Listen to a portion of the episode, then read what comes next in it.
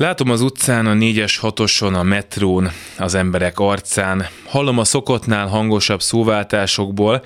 Nem tudás ez, csak érzés, a statisztikai hivatal talán még ki sem mutatja, hogy mekkora baj van.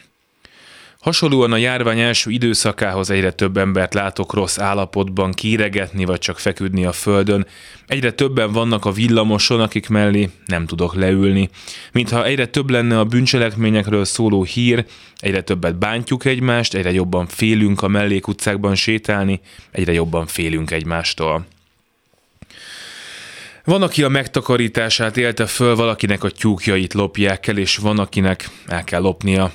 Van, akit megvernek otthon, van, akinek a sonkás, sajtos, tojásos, paprikás szendvicsből már csak a fehér kenyér maradt meg a sonka helyett disznósajtal, és százezrek milliók lehetnek ebben az országban olyanok, akik békeidőben is csak éppen tudnak a víz felszín felett maradni, akik úgy élnek a periféria küszöbén, a szörnyű élet és az élhetetlen határán, hogy nem fér bele nekik, ha kétszer annyiba kerül egy zsemle, nekik a technikai recesszió, a munkanélküliség minimális növekedése azt jelenti, hogy mindent elveszíthetnek. Nézem az utcán az embereket, a négyes hatoson, a metrón, a kocsma előtt. Válságot látok. Ez itt az Esti Gyors, Sámeszi János vagyok, ma hírek után folytatjuk.